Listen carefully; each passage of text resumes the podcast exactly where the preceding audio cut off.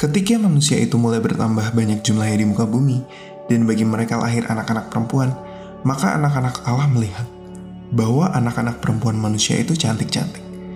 Lalu mereka mengambil istri dari antara perempuan-perempuan itu, siapa saja yang disukai mereka. Berfirmanlah Tuhan, Rohku tidak akan selama-lamanya tinggal di dalam manusia, karena manusia itu adalah daging, tetapi umurnya akan 120 tahun saja. Pada waktu itu orang-orang raksasa di bumi, dan juga pada waktu sesudahnya ketika anak-anak Allah menghampiri anak-anak perempuan manusia, dan perempuan itu melahirkan anak bagi mereka.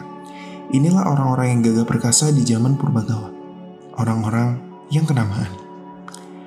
Ketika dilihat Tuhan bahwa kejahatan manusia besar di bumi dan bahwa segala kecenderungan hatinya selalu membuahkan kejahatan semata-mata, maka menyesallah Tuhan bahwa ia telah menjadikan manusia di bumi dan hal itu memilukan hatinya.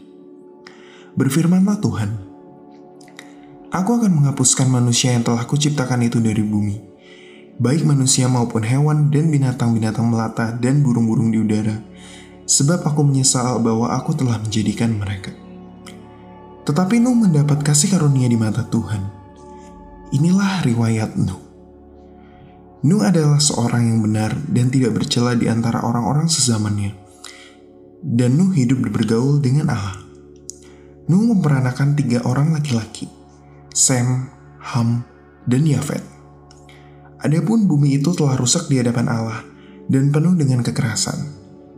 Allah menilik bumi itu dan sungguhlah rusak benar, sebab semua manusia menjalankan hidup yang rusak di bumi. Berfirmanlah Allah kepada Nuh, Aku telah memutuskan untuk mengakhiri hidup segala makhluk, sebab bumi telah penuh dengan kekerasan oleh mereka. Jadi aku akan memusnahkan mereka bersama-sama dengan bumi. Buatlah bagimu sebuah batra dari kayu gofir.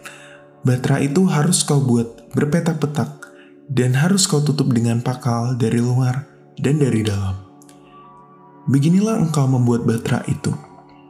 300 hasta panjangnya, 50 hasta lebarnya, dan 30 hasta tingginya.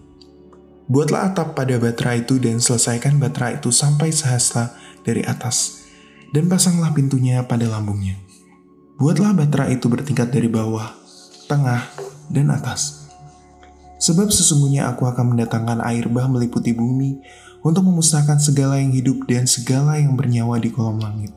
Segala yang ada di bumi akan mati binasa.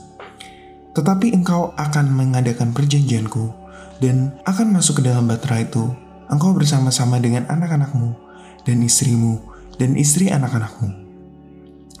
Dan dari segala yang hidup, dari segala makhluk, dari semuanya, haruslah engkau bawa satu pasang ke dalam batra itu, supaya terpelihara hidupnya bersama-sama dengan engkau. Jantan dan betina harus kau bawa. Dari segala jenis burung dan segala jenis hewan, dari segala binatang melata di bumi, dari semuanya itu harus datang satu pasang kepadamu, supaya terpelihara hidupnya. Dan engkau, bawalah bagimu segala yang dapat dimakan, kumpulkanlah itu padamu, untuk menjadi makanan bagimu dan bagi mereka. Lalu Nuh melakukan semuanya itu tepat seperti yang diperintahkan Allah kepadanya. Demikianlah dilakukannya.